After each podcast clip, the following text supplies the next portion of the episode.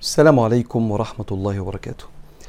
مكملين مع حضراتكم المجلس ال 12 من سلسلة الطريق سلسلة تدريس العلم الشرعي. العقيدة الشمائل المحمدية الفقه تزكية النفس. الله النبي الإسلام النفس. كتاب العقيدة الطحاوية لأبي جعفر الطحاوي المتوفى 321 هجريا. كتاب الشمائل المحمدية للإمام الترمذي المتوفى 279 هجريا. كتاب الفقه على المذاهب الأربعة لسيدنا الشيخ رحمة الله عليه محمد بكر إسماعيل من كبار علماء الأزهر متوفى 206 عذرا 2006 ميلاديا من العلماء المعاصرين وكتاب آه، أيها الولد للإمام الغزالي متوفى 505 هجريا بنبدأ بالعقيدة ونكمل مع حضراتكم كلام الإمام الطحاوي. قال الإمام الطحاوي رحمه الله ونفعنا الله بعلومه وعلومكم في الدارين اللهم آمين. قال ومن لم يتوقع النفي والتشبيه زل ولم يصب التنزيه فإن ربنا جل وعلا موصوف بصفات الوحدانية منعوت بنعوت الفردانية ليس في معناه أحد من البرية وتعالى عن الحدود والغايات والأركان والأعضاء والأدوات لا تحويه الجهات الست كسائر المبتدعات. بيحكي لنا إيه المره دي الإمام الطحاوي؟ بيدرس لنا إنك لما تسمع عن ربنا سبحانه وتعالى صفة مذكورة في القرآن أو في كلام سيدنا رسول الله عليه الصلاة والسلام هذه الصفة توهمك إن ربنا شبه البشر شبه المخلوقات. اعمل حسابك إنك لازم تتصرف عشان ما تفهمش إن صفات ربنا زي صفات المخلوقات. فبيقول له لما تجيلك صفة زي مثلا ربنا بيقول المرة اللي فاتت اتكلمنا والدرس المرة اللي فاتت مهم جدا لأنه بيشرح مسألة تأويل الصفات عند أهل السنة. فزي ما قلنا المرة اللي فاتت لما مثلا ربنا سبحانه وتعالى يقول في القرآن بل يداه مبسوطتان ينفق كيف يشاء في آية في القرآن أنت لما تسمع أن ربنا بيقول على نفسه يداه مبسوطتان. ما ينفعش تقوم قايل بل يداه مبسوطتان. الحركة دي اسمها التشبيه. كأن ربنا جسم عنده إيد زي إيدينا فبينفق بيهم. وكأن الله عنده جارحة بيحتاج ليها عشان ينفق بيها. كل دي تصرفات وبدع في العقيدة. قال له طب تعمل إيه؟ قال له ابعد عن التشبيه. أيوه يعني ما عندوش يد يعني ننفي الصفة. قال له لأ. اوعى تنفي الصفة واوعى تشبه الصفة بالمخلوقات. ومن لم يتوقع يعني يحتمي يبعد ياخد باله. من لم يتوقع النفي والتشبيه زل يعني غلط. ولم يصب التنزيه. التنزيه يعني ترفع في قلبك مقام الله تنزهه إنه يبقى زي المخلوقين. فقلنا لما بتيجي صفة بتشتبه على على فهمنا من صفات ربنا بنعمل أربع حاجات. بنثبت الصفة ولتصنع على عيني. يد الله فوق أيديهم نثبت اليد نثبت العين. ننفي أن تكون جارحة. جارحة يعني إيدي جارحة بآخد بيها ودي بيها. عيني جارحة بشوف بيها. ننفي أن تكون جارحة ربنا محتاج لها علشان يرى بيها ويبسط الرزق بيها. فأثبتنا الصفة نفينا أن تكون جارحة ربنا محتاج لها زي جوارح البشر. ثم إما نفوض فنقول يداه مبسوطتان يبقى الله له يد كما يرى وكما يعلم على مراد الله. أمروها كما جاءت؟ هو قال إيد تبقى إيد لكن مش شبه إيدين البشر. نفينا أن تكون جارحة وأثبتنا اليد وفوضنا الأمر أو أولنا. يداه مبسوطتان يعني كرمه مبسوط على على البشر. من غير ما ننفي إن عنده إيد لكن نفهمها كده لك علي يد يعني لك علي كرم وفضل فأهل السنة بيأولوا فمن لم يتوقع النفي ما نفيناش الصفة ولا شبهنا ربنا سبحانه وتعالى. ومن لم يتوقع النفي والتشبيه زل ولم يصب التنزيه.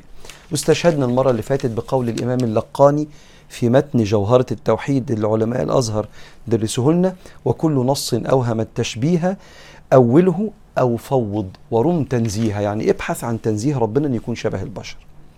كلام يبدو أنه صعب خلينا إيه اتعلمه كده وحطه عندك كده يمكن تحتاج له.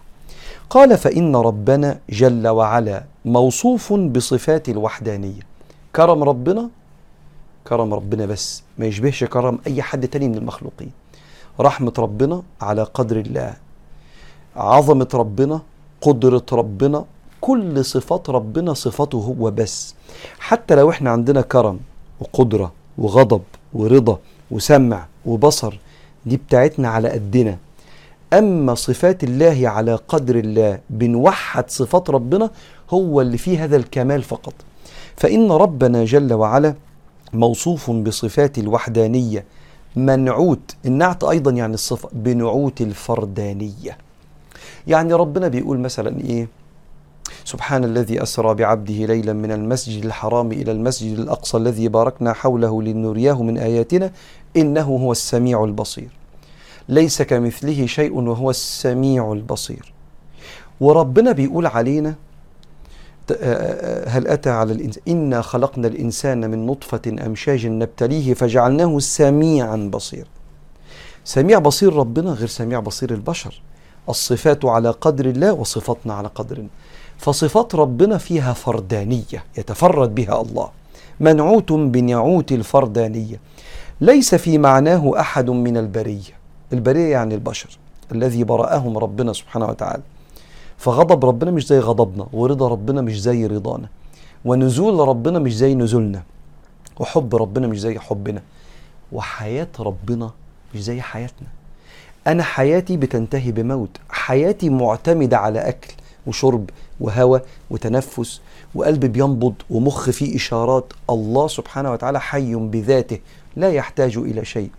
فليس في معناه معنى صفاته أي معنى من معاني البشر. ليه بقى؟ عشان ما نقعدش نحكم على الله ونقول ربنا غضبان دلوقتي لأنه نزل الإعصار وراضي دلوقتي لأنه مزود الثمار وغضبان دلوقتي عشان في كورونا وراضي دلوقتي عشان الدنيا مطرت وبقى الناس بتاكل وتشرب. فبنحكم على الله وتبقى الأصعب في العقيدة إن في مسائلنا واحد جاله عيا فواحد يقول له ده ربنا غضبان عليه فبيعاقبه فبنشبه ربنا زي البشر لما نغضب أضربك ولا أزعق لك ولما أبقى راضي عنك طبطب عليك وأديك ال... فكأننا شبهنا ربنا بالبشر وحكمنا عليه إذا أعطى يبقى راضي إذا منع يبقى يغضب. فنتلخبط. لأن إحنا اللي ألزمنا ربنا بقانون وبدأنا نحاكم الأقدار بالقانون اللي إحنا ألزمنا بيه ربنا. فقال ربنا مش زينا. ليس عطاؤه يقينا معنى الرضا ولا منعه يقينا معنى الغضب. لأن ليس في معناه أحد من البرية. تعالى عن الحدود والغايات والأركان والأعضاء والأدوات. لا ربنا عنده حدود فيبقى يبدأ من هنا وينتهي هنا ويبدأ من هنا وينتهي هنا. فكأنه جسم لأن الله ليس بجسم ليس كمثله شيء ولا عنده غايات. يعني ربنا عنده منتهى للرحمة بعد كده ما يقدرش يرحم. عنده منتهى للعفو وبعد كده يبقى كتير قوي إنه يعفو. ليس هناك غاية ليس هناك منتهى لصفات ربنا سبحانه وتعالى. هو يقول عن نفسه أصلا ربنا ورحمتي وسعت كل شيء. يعني لا منتهى لرحمة الله لا منتهى لا غاية. رحمته مطلقة وصفاته مطلقة. سبحانه وتعالى. ليه؟ يفيدك إيه في الاعتقاد؟ عشان ما تتخيلش إن في ذنب أكبر من رحمة ربنا وفي عطاء أكبر من كرم ربنا. فلا غاية. مفيش خزنة لما ربنا بيدي منها بتفضى. فبنحتاج نمونها تاني لحسن الفلوس قلت. الله خزائنه لا تنفد. سبحانه وتعالى. قال وتعالى عن الأركان والأعضاء والأدوات. لا عنده أعضاء بيستخدمها بيدي بإيد ولو الإيد دي مش موجودة ما يعرفش يدي. بيشوف بعين لو العين دي موجود مش موجودة ما يعرفش يشوف. بيسمع بودان عنده عضو. لو الودن فيها مشكلة ما الله لا يحتاج إلى كل ذلك. سميع بصير بذاته لا يحتاج إلى الأعضاء. وبعدين قال معلومة في غاية الأهمية. قال لا تحويه الجهات الست كسائر المبتدعات. الله مش في السماء بذاته سبحانه وتعالى. لأن السماء بناء. ربنا يقول أأنتم أشد خلقا أم السماء بناها؟ رفع سمكها فسواها يقول سبحانه وتعالى خلق السماوات والأرض وما بينهما في ستة أيام. آه إذا السماء ده شيء محدث جديد حادث. طب هو قبل ما السماء تتخلق كان ربنا فين؟ الله موجود عقيدة أهل السنة كده موجود لا في مكان. لأن ربنا مش جسم عشان في مكان يحويه زي ما الكرسي كده بيحويني والأوضة دي بتحويني. وبالتالي لما تسمع إن الله في السماء مش معناه الله بذاته. إنما ربنا يقول أأمنتم من في السماء أن يخسف بكم الأرض فإذا هي تمور؟ أهو رب السماوات أهو في السماء. قالوا لا في دي ظرف المكان ده مش معناه الله بذاته معناه أأمنتم من في السماء سلطانه؟ من في السماء ملكه؟ من في السماء أمره؟ لأن ربنا بيقول رب السماوات ورب الأرض ويقول في القرآن وهو الذي في السماء إله وفي الأرض إله. يبقى هو ربنا جوه السماء ولا جوه الأرض؟ لا هنا ولا هنا. ليس هناك مكان يسع الله لأن ربنا مش جسم. خدت بالك ده تأويل. أولنا الفي دي إنها مش في ظرف مكان. عشان كده بعض أصدقائنا يقول لك لا في السماء هو قال في السماء. استنى إحنا اتفقنا. أي حاجة تشتبه عليك تشبه ربنا بالمخلوقين محتاج تأول الصفات وده فعل أهل السنة. فأي بعض أصدقاء يقول لك طب ما هو حديث صحيح مسلم. لما ربنا سأل الجارية عشان ي... لما سيدنا النبي سأل الجارية عشان يعرف مؤمنة ولا لأ قال يا جارية أين الله؟ فأشارت إلى السماء. قال اعتقها فإنها مؤمنة.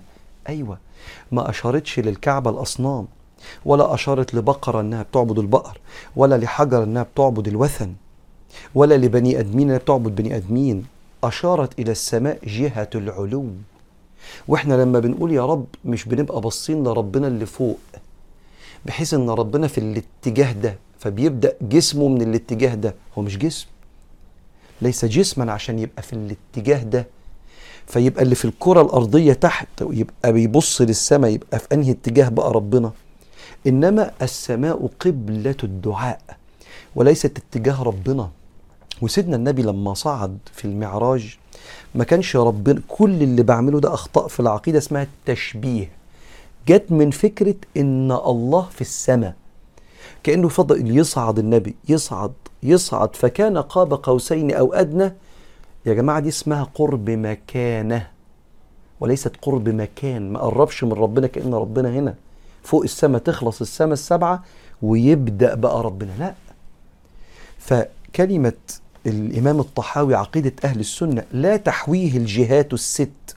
لا ربنا في الجنب ولا في الجنب ولا فوق ولا تحت ولا فوق ولا قدام ولا ورا. الله موجود لا في مكان لأن الله لو حل في مكان دي أكبر بدع العقيدة اسمها الحلول والاتحاد. زي ما واحد يقول لك ربنا نزل بقى جوه إنسان اسمه الحلول فالله لا يحل في أي مخلوق سواء كان إنسان أو في السماوات. فمن في السماء من في السماء ملكه وسلطانه سبحانه وتعالى. عشان كده الإمام ختم كلامنا مع بعض فقال لا تحويه الجهات الست كسائر المبتدعات. مبتدع يعني مخلوق ربنا ابتدعه بديع السماوات والأرض خلقه.